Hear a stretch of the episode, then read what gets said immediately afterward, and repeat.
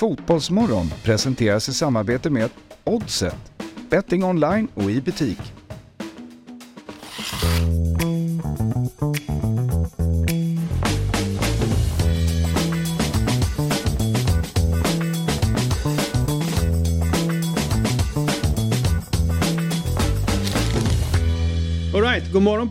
Hjärtligt välkomna till Fotbollsmorgon denna härliga onsdag. Idag bjuder vi på ett lite annorlunda program tillsammans med mig, David Fjell, Per Frykebrant och Elsa Alm och i synnerhet också förbundskaptenen Janne Andersson. God morgon på dig. God morgon, god morgon. Hur är läget?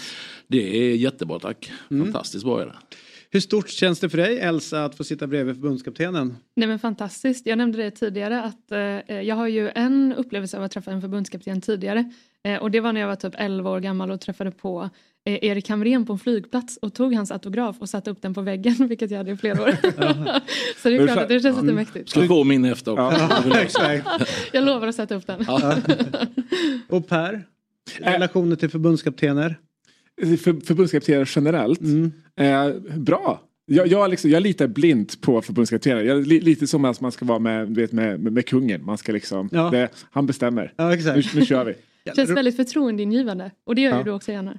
Tack. Ja. Tack. Det är inte ofta bli jämfört med kungen alltså. Nej. Hur känns det? man, man, jämförs med med det mesta. Just kungen vet jag inte. Nej men eh, ja, nej men det var fina ord. Tack så mycket. Hur, eh, eh, alltså så här, jag kan tänka mig när man börjar i, som en tränargärning så drömmer man om att kanske ta sig till eh, allsvenskan eller lite. Men just att inneha förbundskaptenspositionen, kan det fortfarande slå dig att det är kanske det finaste jobb man kan ha? Alltså på, påminner du dig själv om det? Nej, tvärtom faktiskt. Därför att jag har ju hållit på med det här sån herrans massa år. Jag ska inte räkna upp allt jag har gjort. Men jag har ju alltid gjort det för att det varit roligt. Jag har liksom tyckt det varit kul. Jag började träna tjejer hemma i Halmstad och tyckte det var roligt att vara tränare. Hållit på en jäkla massa år. Sen har det blivit som det har blivit. Och på någonstans på vägen så blev jag förbundskapten. Och för mig, om jag skulle liksom zooma ut och titta på det.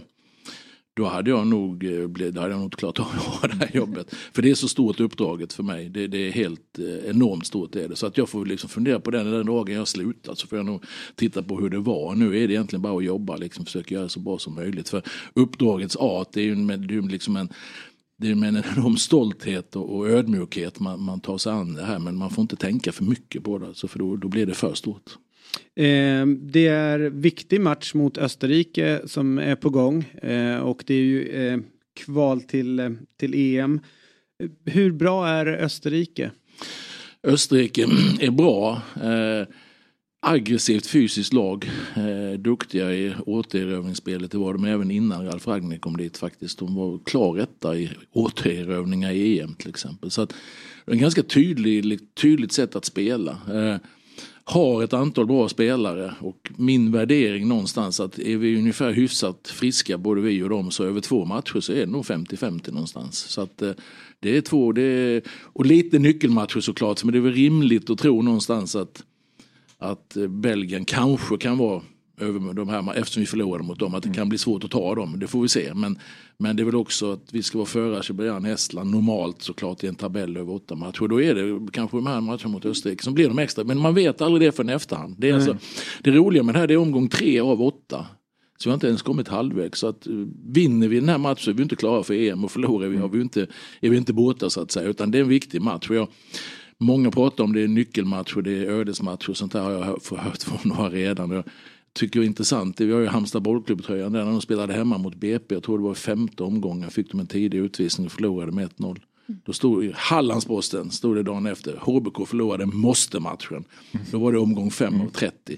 Man kan se på det här på olika sätt. Va? Men det är en jätteviktig match och eh, det hade varit väldigt bra att få med oss något hem såklart. Det blir när man ser också på Österrikes match mot Estland, hade problem där, fick liksom med sig tre poäng i slutet. Det visar på att det här kan bli en ganska öppen grupp. Ändå. Ja men det är det och det, det har ju, alltså, det har ju jämnat ut sig enormt fotbollsvärlden. Eh, Danmark förlorade mot Kazakstan. Eh, så där vi förlorade mot Georgien i höstas, eller då, då förra hösten. Men då visste man inte vem han Kravalacho hette han, Kvickan som Lasse Jakobsson kallade. Det var ingen som visste vem han var då. Men han var rätt bra redan då. Sen har man visat det i Napoli. Så alla länder har ju bra spelare idag.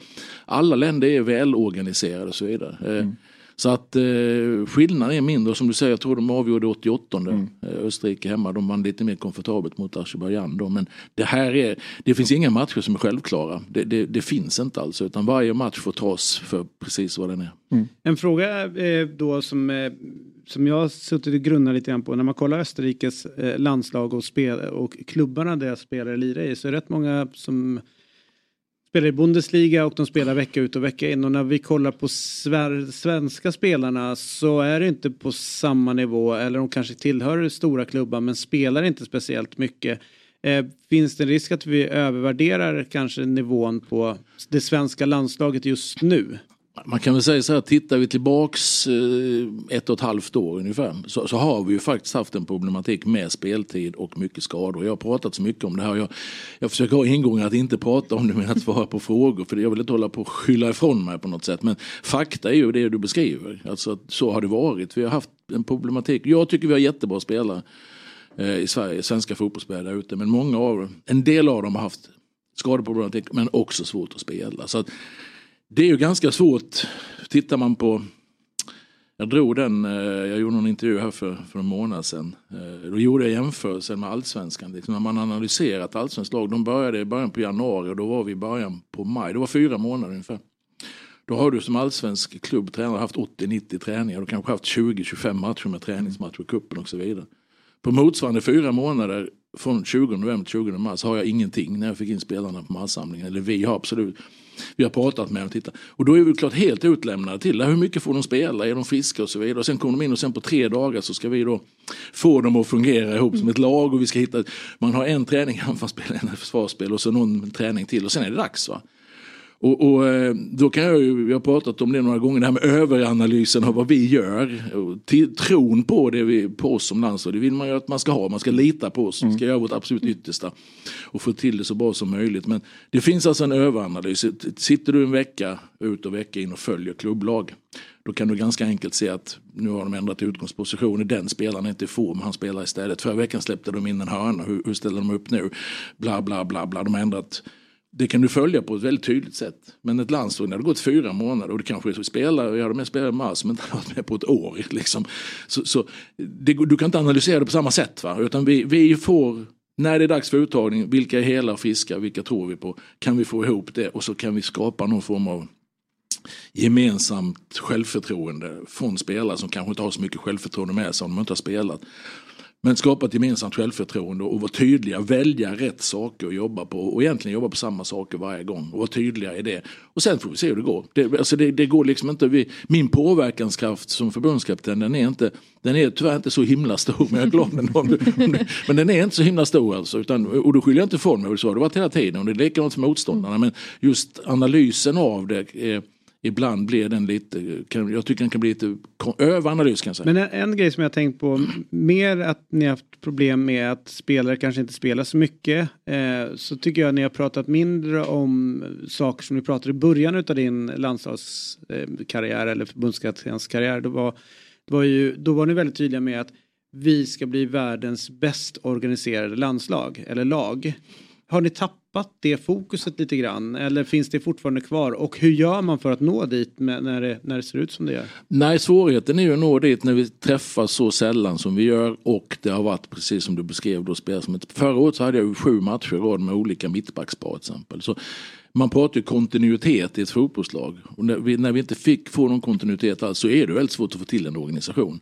Så att nu ska inte sitta och prata, jag vill inte liksom snacka bort någonting men det blir ju betydligt svårare. Det, det begriper alla som hållit på med fotboll och att träna, att det blir svårare att få till det då.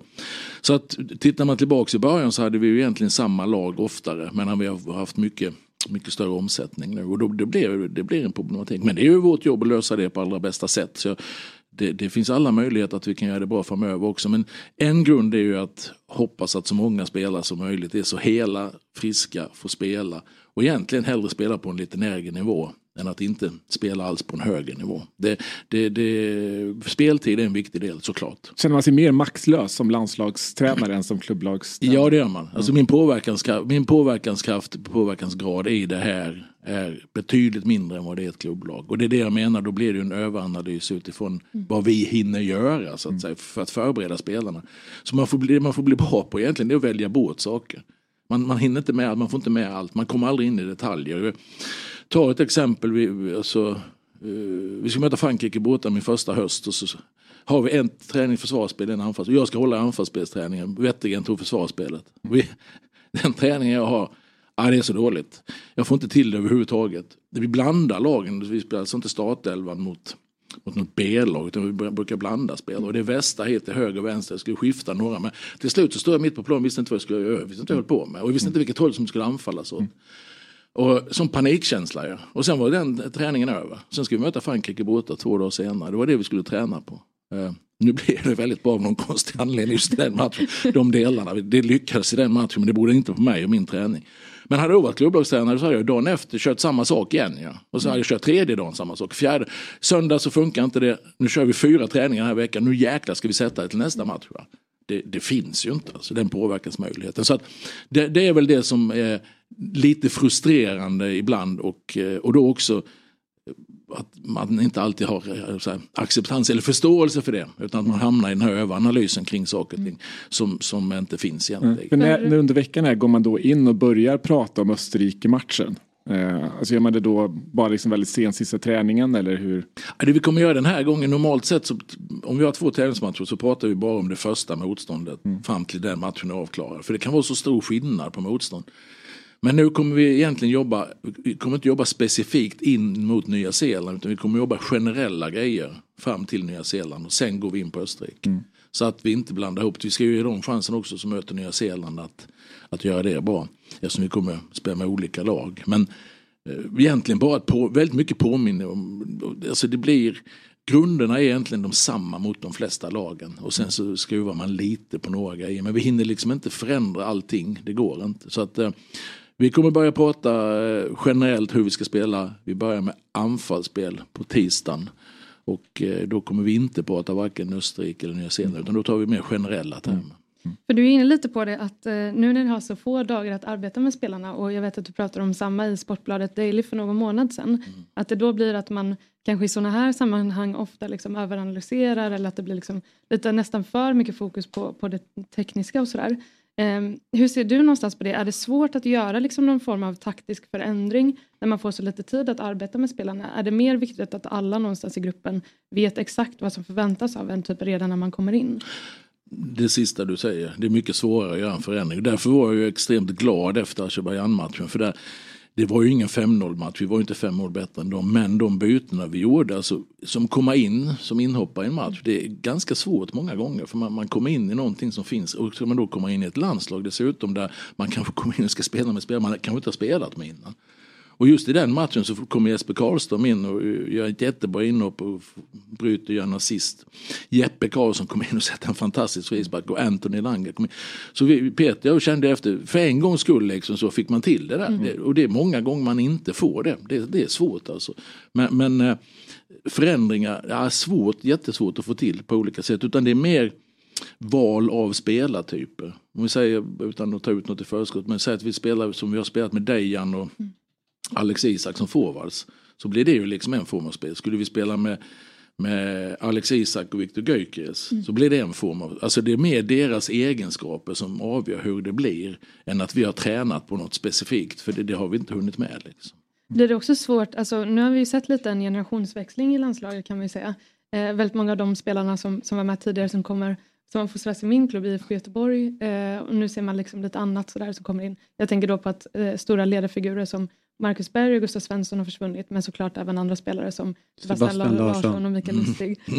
Mm. Inte att förglömma. Hon hatar AIK, hon nämner aldrig våra spelare.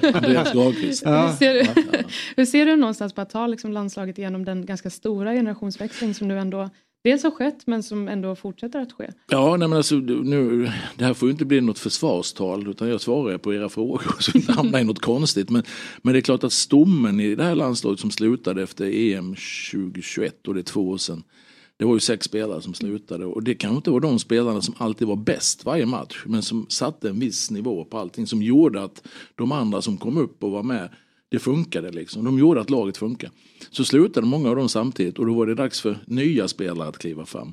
Det kombinerat med att vi då haft väldigt mycket skador och, och brist på speltid har gjort att det har varit väldigt svårt att få den här stabiliteten, kontinuiteten som, som man vill ha i ett fotbollslag. Så det har, tycker jag har varit en del. Sen, sen har jag ju pratat mycket om med spelarna att ledarskap på planen är ju inte att är du högerback så ska du liksom inte styra forwarden, stå och gapa och skrika på honom. Är, är du målvakt så utan däremot som högerback så ska du kommunicera med mittbacken intill dig och yttermittfältaren framför dig försvarsmässigt. Och du ska alltså de som är närmst gäller ju att som spelare eh, kommunicera och på olika sätt. Många kan ju vara, kan vara aktiva i ett ledarskap på planen. Det behöver inte vara en eller två som ska stå och gapa, och skrika, styra allt. Jag menar, vi har ju, den är fantastiska på HBK eh, till Ante G Johansson i Halmstad som, som styr det laget själv i princip med små medel. Men, men så behöver det ju inte vara. Va? Utan många måste ta mer ansvar och kliva fram. Och, och jag tycker flera stycken har gjort det på, på vägen här. Men, men det, det, har varit en generationsväxling. Och vi, vi, tack vare alla de här skadorna och bristen på kontinuitet så är vi nästan kvar i den generationsväxlingen två år senare. Men det var ju väldigt tydligt där eh, i, i, inför eh, ja, det är ju eh, 2018 när det här playoffsen mot eh, Italien. Då samlade ni några spelare och då var det också tydligt vilka som var era förlängda armar ut. Mm. Granqvist, Albin och så tror jag var någon till. Sebastian, Sebastian. Ola Toivonen och Marcus ja, Berg. Vilka är de nu?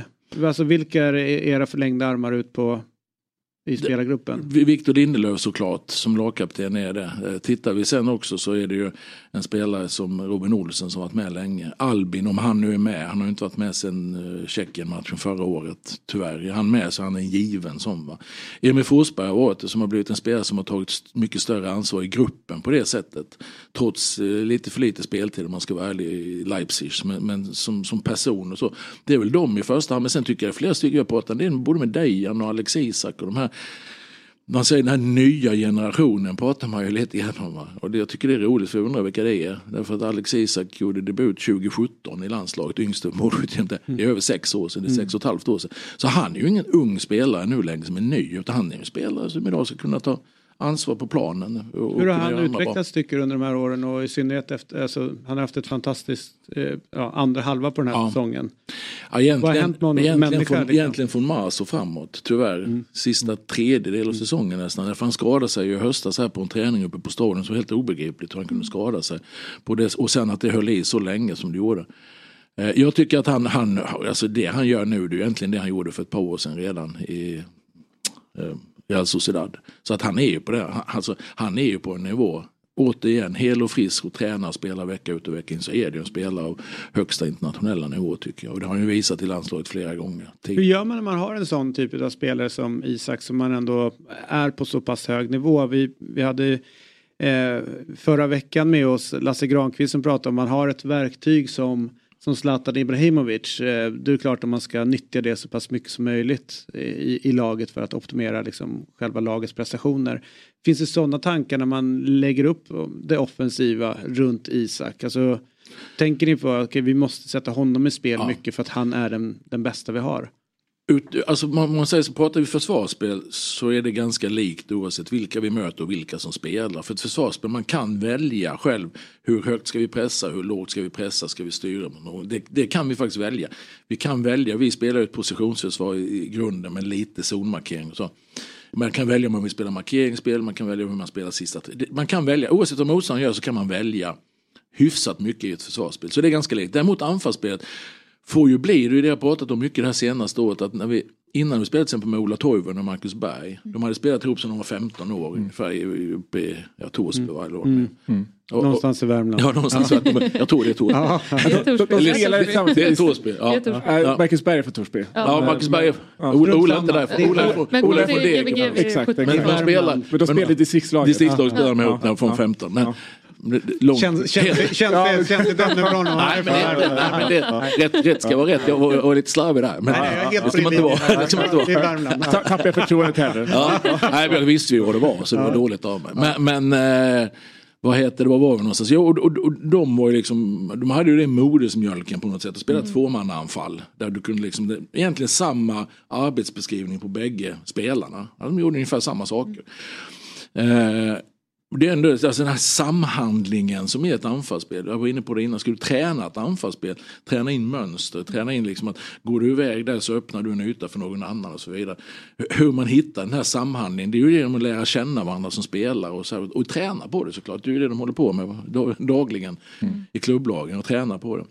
Men hos oss blir det ju mer att vilka spelar som jag var inne på. Är nu Alex Isak, spelar han, ja då ska vi försöka få honom i bra lägen. Och han, framförallt så ska han ha friheten själv. Vårt anfallsspel är väldigt lite styrt kan man säga. Vi, vi, har utgångspositioner och det är lite olika beroende på vilka vi möter. Om vi går över på en trea eller om vi går, kan till och med spela med två mittbackar och så trycker vi bägge ytterbackarna. Vi kan spela 2-4-2-2, vi kan spela 3-5-2. Vi spelar sällan 4-4-2 anfallsmässigt men det är det inte så många som ser. Men det gör ingenting. men, men, men, det gör vi inte. Men, men Eh, och då kan vi trycka, ofta trycker vi på vänsterback exempel så bygger vi på tre och så trycker vi in Emil Forsberg i en tia-roll och så spelar vi därifrån med två forwards. Men spelar då Dejan och Alexander Isak som forwards, ja då kanske Dejan drar sig mer utåt högersidan för där brukar han vilja vara. Och Alex är van vid att spela tidigare, spela nia själv till exempel. Så att, ganska fritt utifrån utgångsposition, utifrån vissa principer. Vi vill ha djupledsrot i vårt spel, det är jätteviktigt.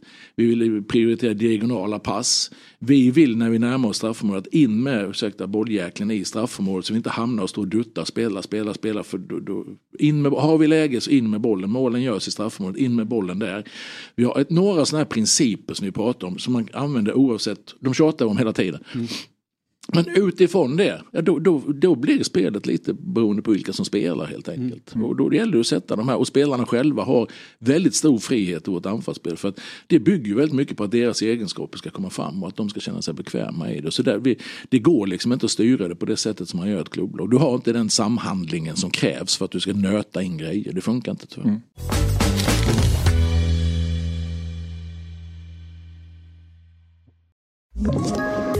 Poddtips från Podplay. I podden Något Kaiko garanterar östgötarna Brutti och jag, Davva, dig en stor dos skratt. Där följer jag pladask för köttätandet igen. Man är lite som en jävla vampyr. Man har fått lite blodsmak och då måste man ha mer.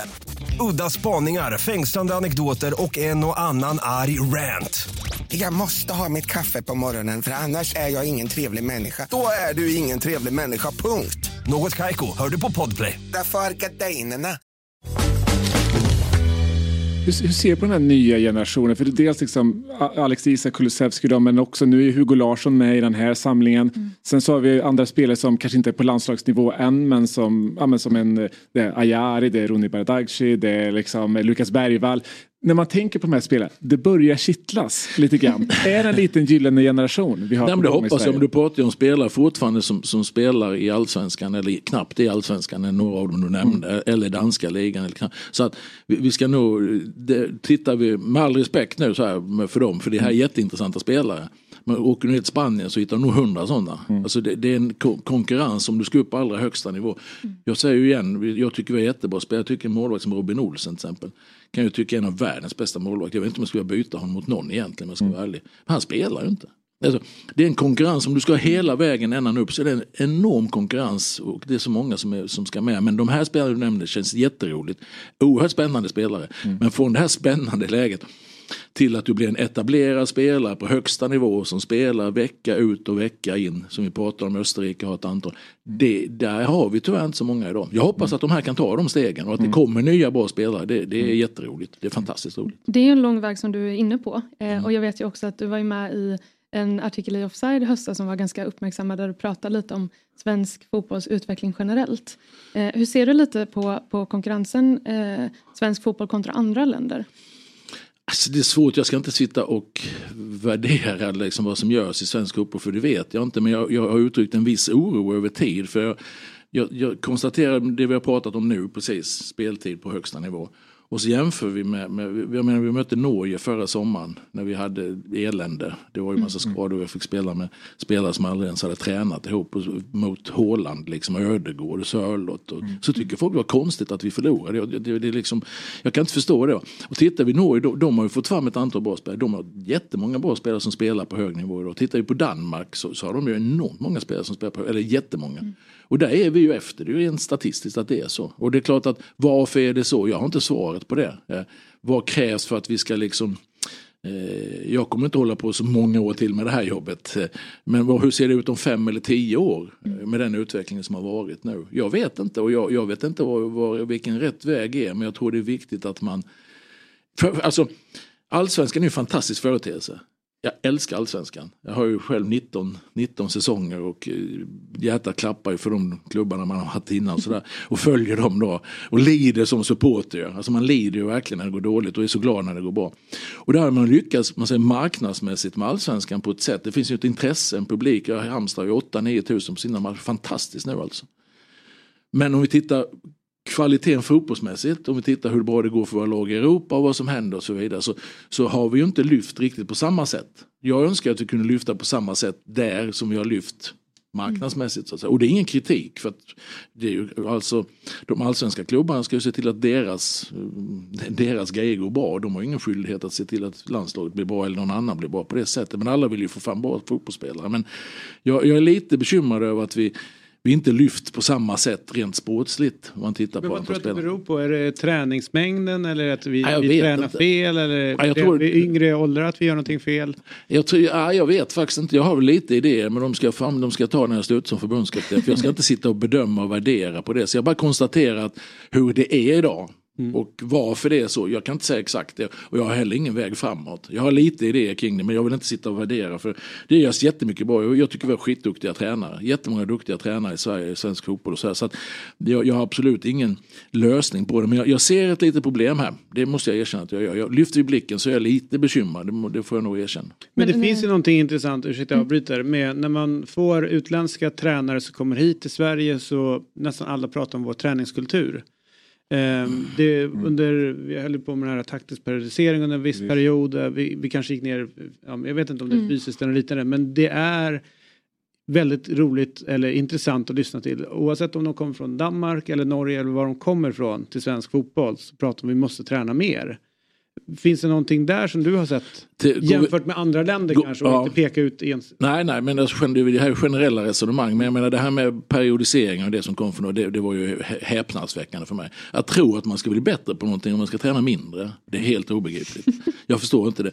Du, in och kör. Du måste träna, träna, träna, träna, träna för att bli bättre. Sen självklart så ska det finnas en pulsering i det. Va? Så de, den delen håller jag med om till 100 procent. Det, det förstod jag inte det resonemanget, varför man, var, hur man kunde bara komma på något sånt. Men, men, men eh, min, min grundtes är att tränar du på det så blir du bättre. Och, och, att vi ska träna mycket i svensk fotboll. Sen har jag ingen aning hur mycket vi tränar och det tror jag skiljer sig från klubblag och sådär också. Så jag ska inte säga det men den diskussionen stöttar jag helt och hållet. Alltså. Mm. Mm.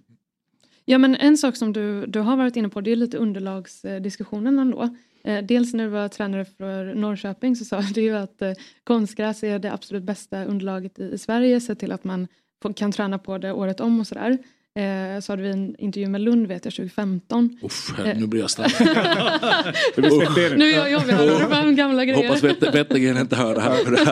ja. men, men däremot så vet jag ju att du, du 2022 var på en liten annan linje. Eh, som mer handlar om där du lyfte att det kanske finns en problematik med att vi i Sverige har lite svårt att utbilda bra försvarsspelare på, på konstgräset sett till att duellspelet också eh, mm. förändras.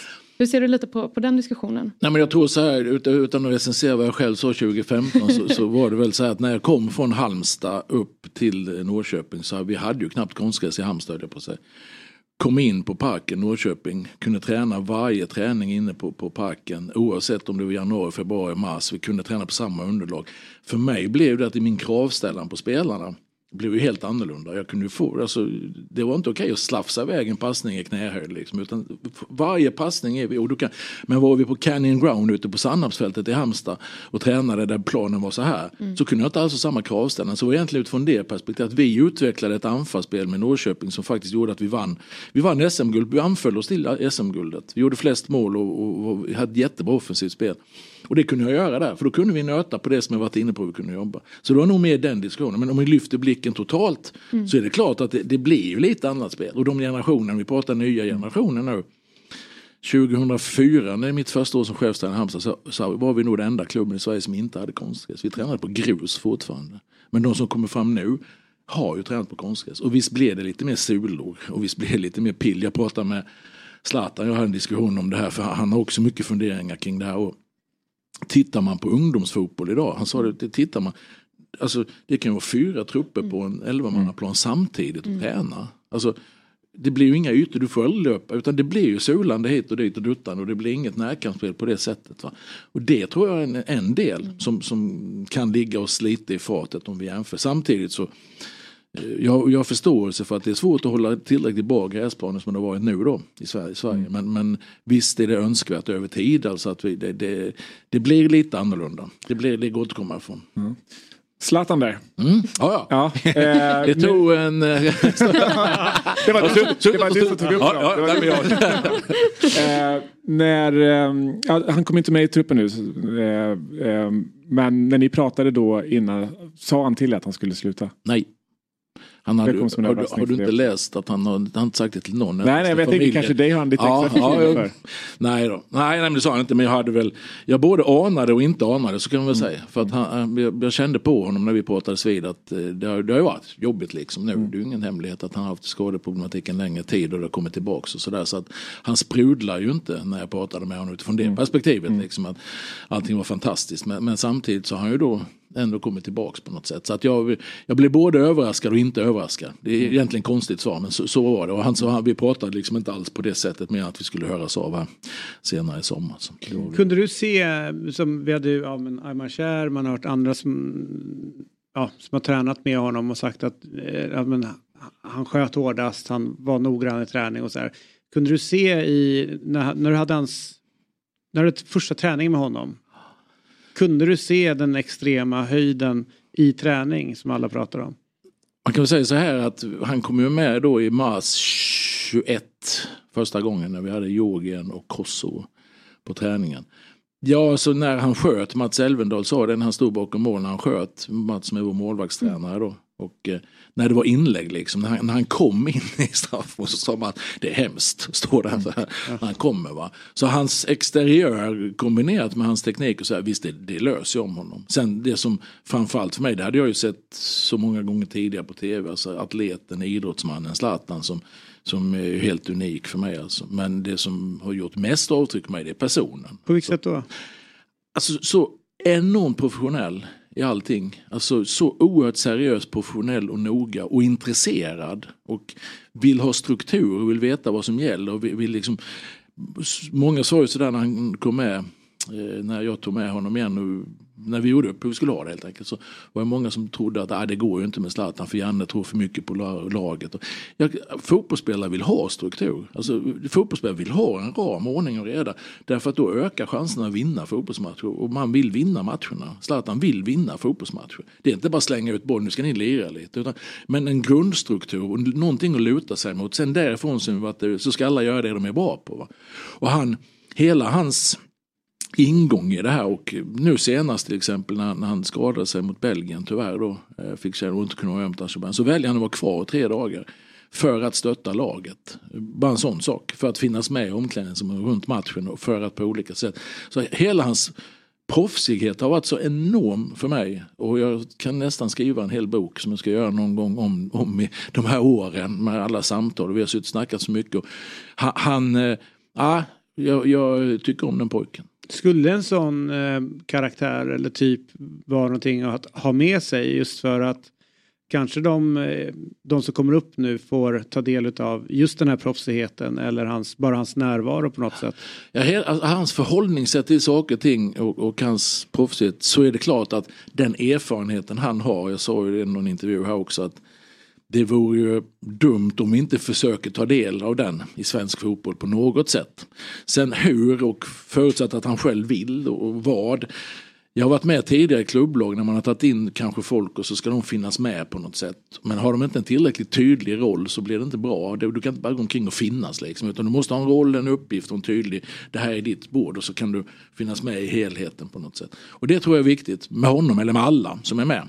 Det går liksom inte bara att ta in folk utan man måste liksom veta vad som gäller. Och, där, och det tror jag han själv skulle vilja också i så fall. Men jag har ingen uppfattning om vad han, vad han själv tycker om det här. Utan vi har ju sagt så här när vi har pratat innan om lite löst om det här. Att nu har han varit spelare, nu är han spelare. När han den dagen han inte spelar, då får man väl se då. Har ni pratat någonting nu efter beskedet om att han lämnar fotbollen? Nej, jag har bara haft sms-kontakt med honom. Eh, så att jag har inte pratat med honom. Men eh, han, han är ju rolig också. Så det, det är ju, vi har ju den här medialistan, jag sa ju det för hans reaktion där när han brukar ju vinna den såklart. Mm. Men det är bara för att han har sociala medier. Jag har inga sociala medier, annars hade jag slått honom. Men för han, han har rätt så många följare, då blir det rubriker hela tiden. Men nu kanske du kan vinna snart. Jag ska, jag kan, jag ska ta honom snart. Nej, men Efter han det här året nej det går ju inte nu. Han sa ju det i mars, ja. sa han ju, när, det här, eh, min diskussion i tv-studion där. Så kom han ju till mig och sa han, du Janne, det är bara för att du ska gå med på listan. jag tycker, tycker det är så roligt och så ett jätteleende. Ja. Och sen sa han, men jag har lite tid på mig nu att hitta på något. Så det var väl det han gjorde nu då. Så han slutade väl bara för att stå, bara för att på listan förmodligen. Då är man en tävlingsmänniska. Och då, och då skickade jag sms och så skrev jag faktiskt ja. det att det här gjorde du bara för att du skulle gå med. Ja. Så att, men eh, nej, jag har inte pratat med honom, inte mer än haft lite sms-kontakt. En fråga, du som har ett lite vidare perspektiv än, än oss ungdomar på den här sidan av bordet. Oh, så mycket skiljer det inte. nej, mellan dig och Elsa, nej, men med oss andra. Eh, är han den största idrottsmannen eh, Sverige fått fram genom tiderna? Svårt fotbollsspelare definitivt för mig. Eh, men idrottsman.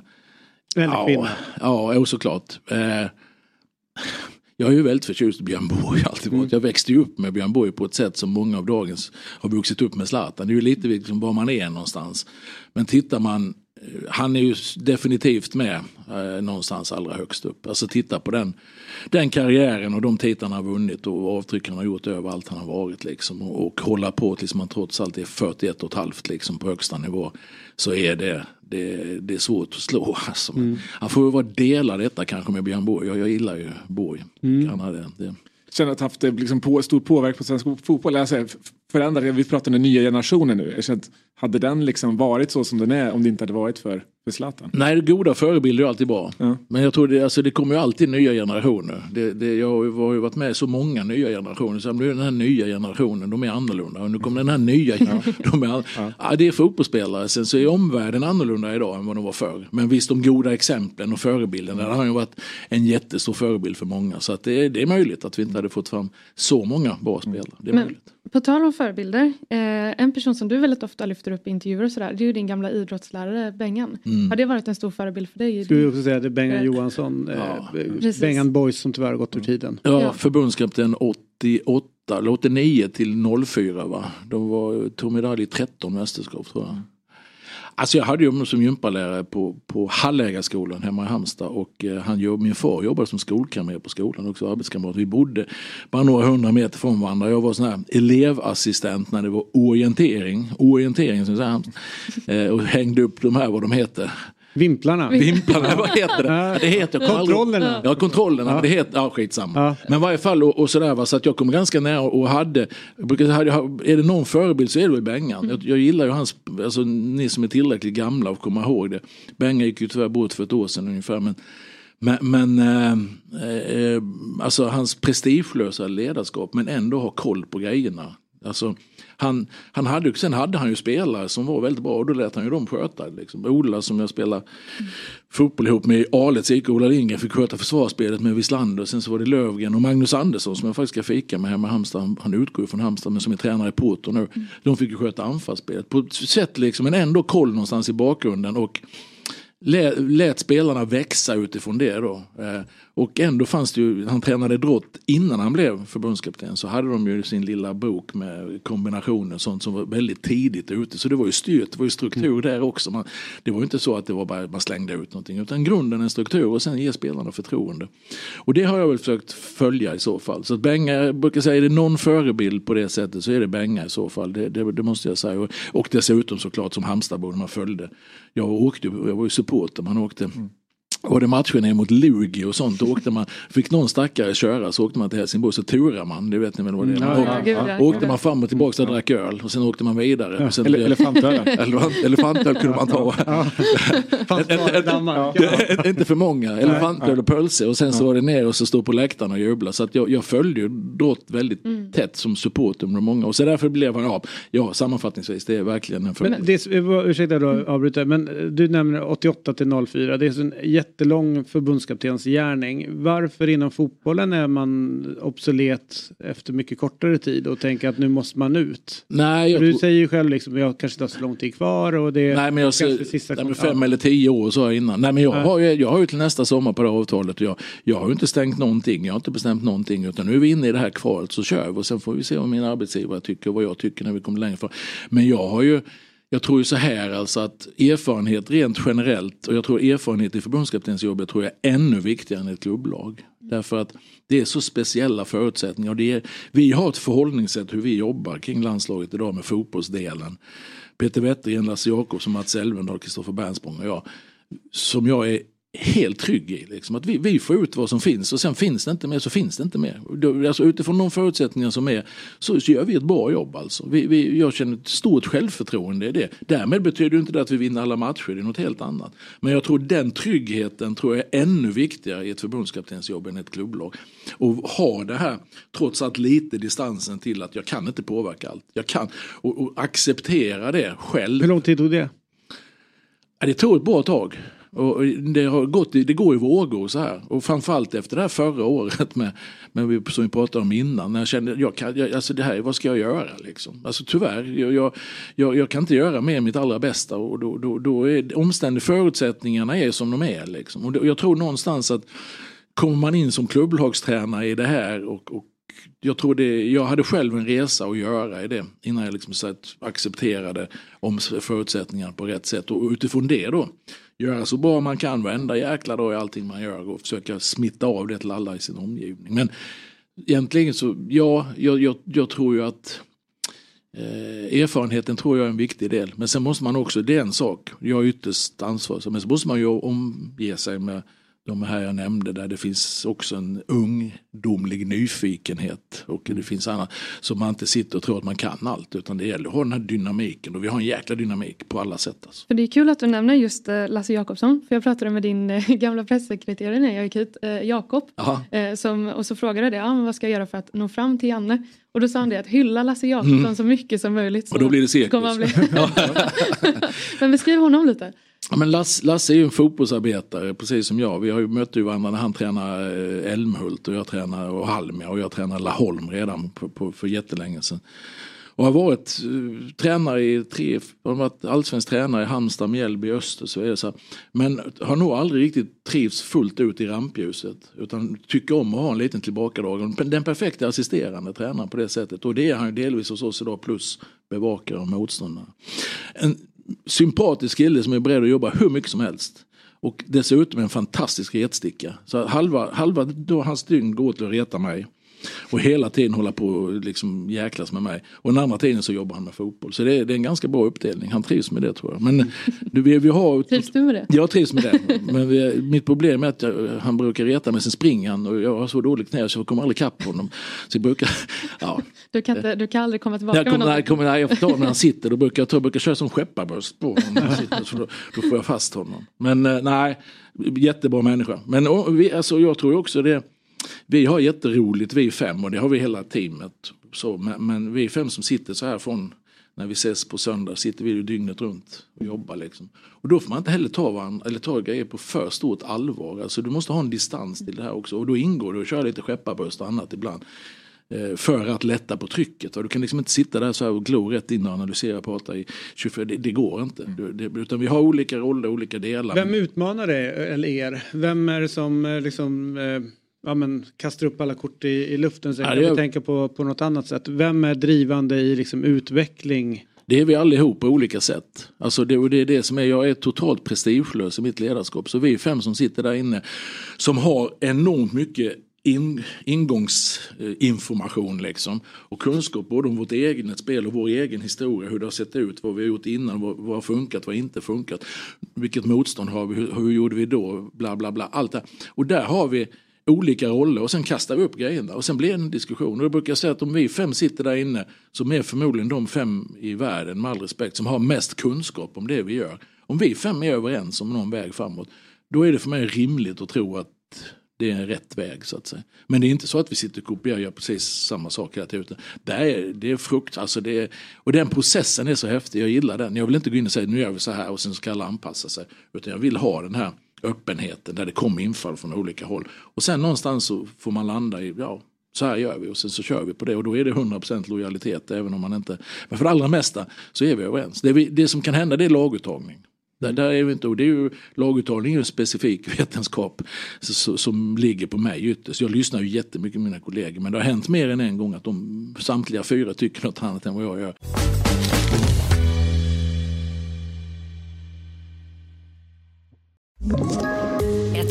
Poddtips från Podplay. I fallen jag aldrig glömmer djupdyker Hasse Aro i arbetet bakom några av Sveriges mest uppseendeväckande brottsutredningar går vi in med hemlig telefonavlyssning och, och då upplever vi att vi får en total förändring av hans beteende. Vad är det som händer nu? Vem är det som läcker? Och så säger han att jag är kriminell, jag har varit kriminell i hela mitt liv men att mörda ett barn, där går min gräns. Nya säsongen av Fallen jag aldrig glömmer på Podplay.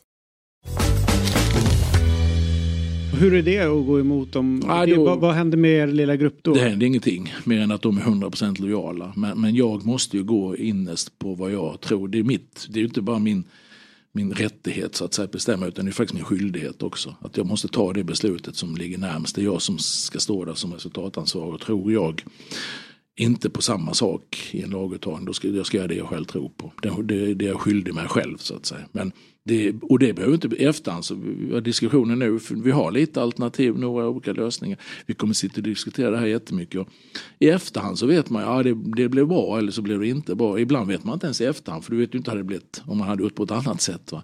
Så där, där, där gäller, måste man landa i sig själv. Och det är ju samma med allt annat utifrån som tycks och tänks om allting man gör. Liksom att vi, jag måste ju landa i att om vi liksom, är vi överens här och vi, då, då är det nog rimligt att det, det, är det rätta alltså. Sen kan man göra det på många olika sätt och respekt för alla uppfattningar både om laguttagningar och allting. Full respekt. Men, men jag måste ändå tro på att vi kan det här och det är jag helt övertygad om att vi kan. Hur, eh, vad har Peter Wettergren för, eh, för kvaliteter som gör honom så lämpad att vara din eh, din högra hand? Peter är ju, vi är ju, alltså alla vi har pratat om, pratat om Lasse, vi är ju fotbollsarbetare, vi har jobbat många, många år med det här, stått på träningsplan och så vidare. Peter är ju väldigt driven i analysen av vårt egna spel eh, och väldigt duktig som instruktör på planen. Så att han, vi, vi har egentligen gjort så att jag har slängt upp alla arbetsuppgifter på bordet. Sen har jag fördelat ut det. Och jag gör egentligen ingenting idag. Det är jättebra. Men det är arbetsledare. Ja, arbetsledare. Och, men, men och Peter har ju den delen. Och även när vi har träningar så är Peter jätteduktig på, alltså han är extremt tydlig i instruktionen. Så att jag har liksom släppt den delen till honom. Det är väldigt skönt för mig för då kan jag kliva, ta ett steg tillbaka. För jag har så få träningar som jag varit inne på. Och jag vill ju se helheten. Står du i en övning och leder en övning. Då är det mycket svårare att se liksom, hur ser han ut där. Hur, vad här, alltså, så därför jag, jag, jag håller knappt några träningar utan det gör Peter. Och han gör det jättebra. Och i och med det så håller han också i teorigenomgångarna om vårt egna spel för spelen. Och så det är hans baby i första hand så att säga. Eh, och sen så hjälper han mig och coachar. Vi, vi coachar ju egentligen tillsammans alla fem. Liksom. De sitter på läktaren, vi har kontakt ner på bänken. Och sen paus så är det jag som tar snack och sådär. Men, men eh, de individuella snack och Peter är jäkligt duktig på att nå fram till spelarna på ett personligt plan. Så att, ja, många bra egenskaper. Och, och sen är han rolig. Alltså vi, det, det är ju en trivsam människa, det är ju så det är. Man, man måste ju grunda brukar säga, ska man ha ett team som ska jobba tillsammans så är det viktigt att man grundar någon form av människosyn. Alltså att man har ungefär samma människosyn. Det tror jag är en bra förutsättning om man ska jobba så tajt som vi gör.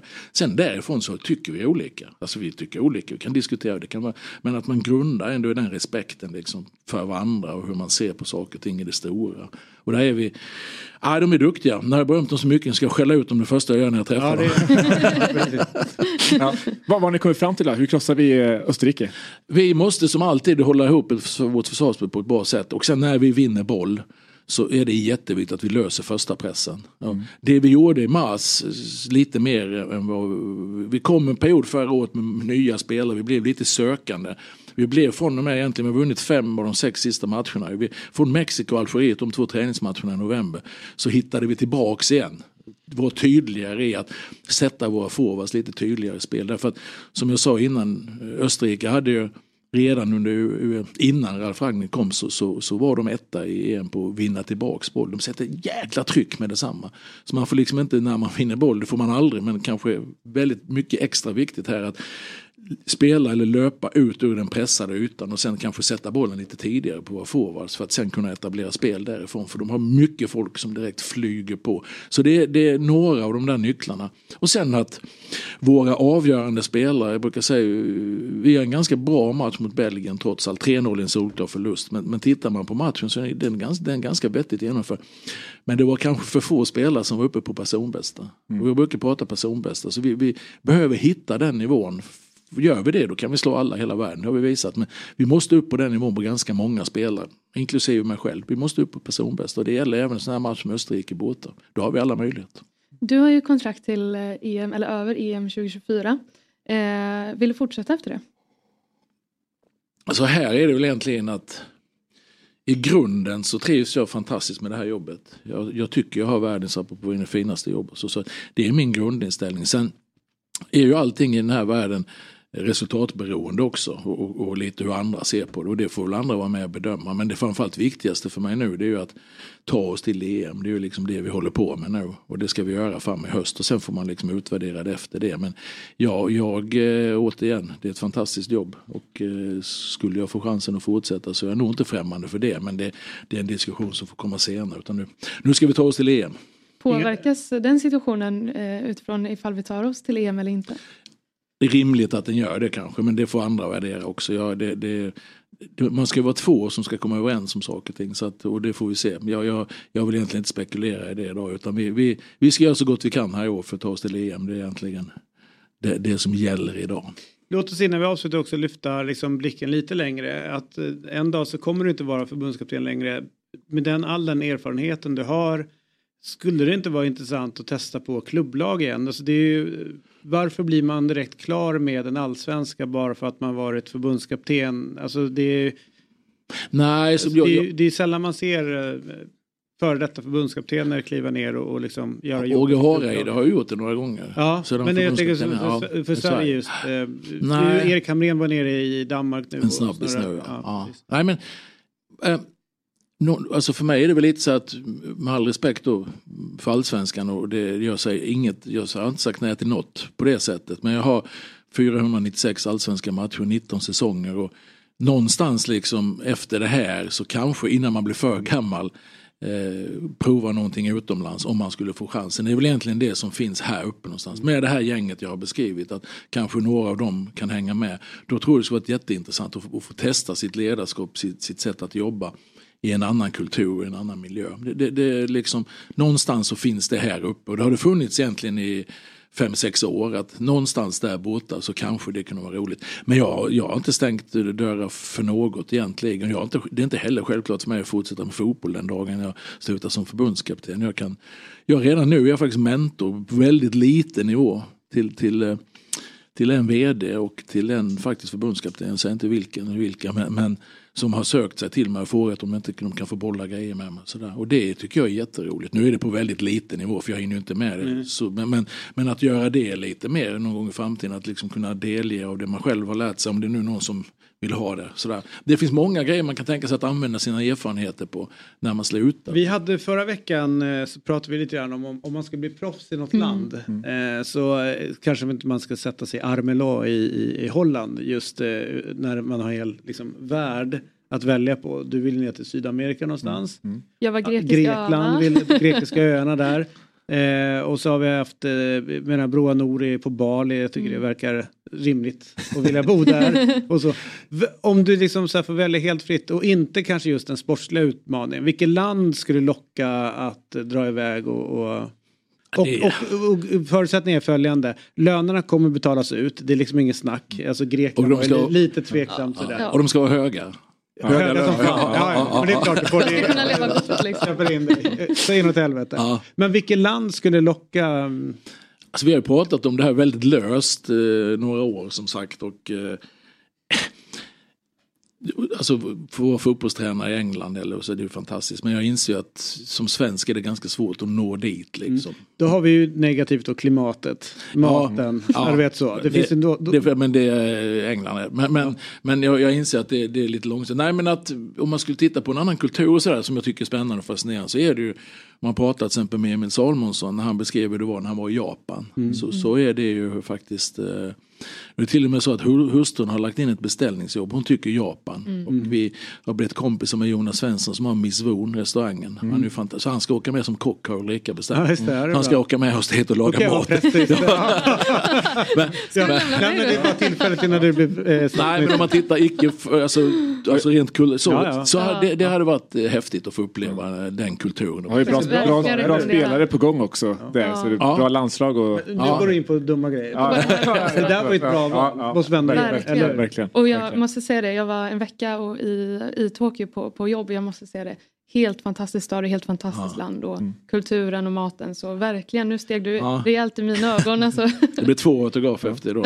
Nej men, nej, men E- Emil, jag, jag hade ju Emil när han kom upp från Ängelholm i Allsvenskan först in och sådär innan han försvann iväg. Och, Eh, När han beskrev hur det var så sa han du skulle älska det, sa han till mig. Han, vi känner varandra så pass väl så han kunde värdera hur jag, hur jag ser på saker. Så Det hade varit en kul grej men som sagt om och när och det får vi se om det skulle, skulle den möjligheten dyka upp någon gång så är det nog inte omöjligt med tanke på hustrun redan har lovat jobb till Jonas. Men- Och en kul, en kul grej med Emil och Japan det var ju att han, han var i ett väldigt bra lag men valde att sen gå till ett, ett lite lite sämre lag för att det låg en mer intressant region med mer intressant historia. Ja, det Så att, eh, han gjorde ju verkligen ett val baserat på Hatt, eh, full respekt det. Verkligen. Ja, ja, till att gå till en annan region för att få lite mer historiekunskaper i. Ja, ja men det, han, det är en bra påg Emil, tyvärr skadad nu. Ja, så, jag vet. Tyvärr. Ett nyckelben, det är, det är sex veckor Ja, det- och lite där. inte hela världen. Ja. Men Fel du, kant för oss att få en skada på.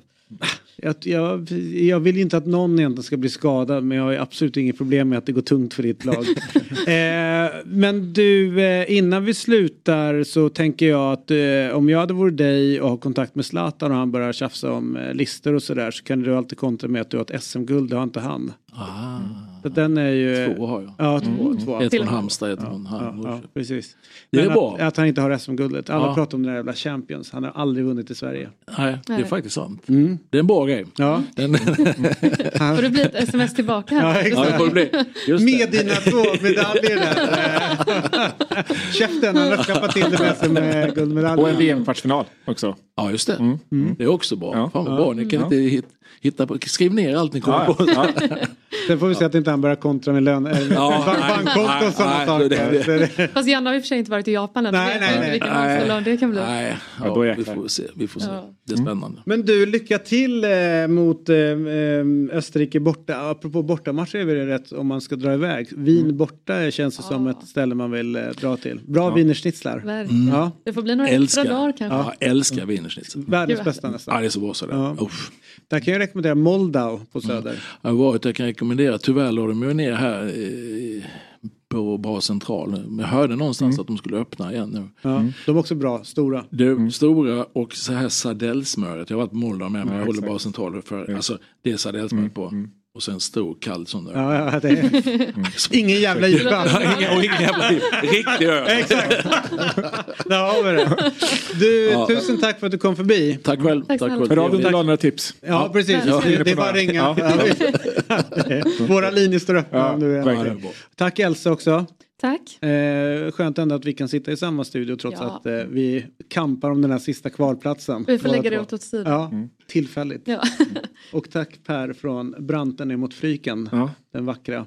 det är den. Vi Ja. kampar aldrig med varandra. Nej, vi, nej, nej. Jo, förutom England lite grann. Ja. Och tusen tack för att ni tittade på Fotbollsmorgon. God morgon på er. Fotbollsmorgon presenteras i samarbete med Oddset. Betting online och i butik.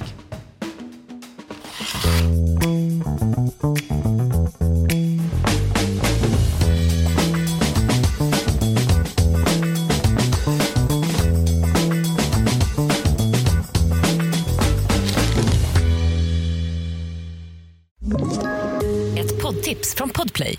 I podden Något Kaiko garanterar östgötarna Brutti och jag, Davva, dig en stor dos skratt. Där följer jag pladask för köttätandet igen. Man är lite som en jävla vampyr. Man har fått lite blodsmak och då måste man ha mer. Udda spaningar, fängslande anekdoter och en och annan arg rant. Jag måste ha mitt kaffe på morgonen för annars är jag ingen trevlig människa. Då är du ingen trevlig människa, punkt. Något Kaiko, hör du på Podplay. Därför är gardinerna.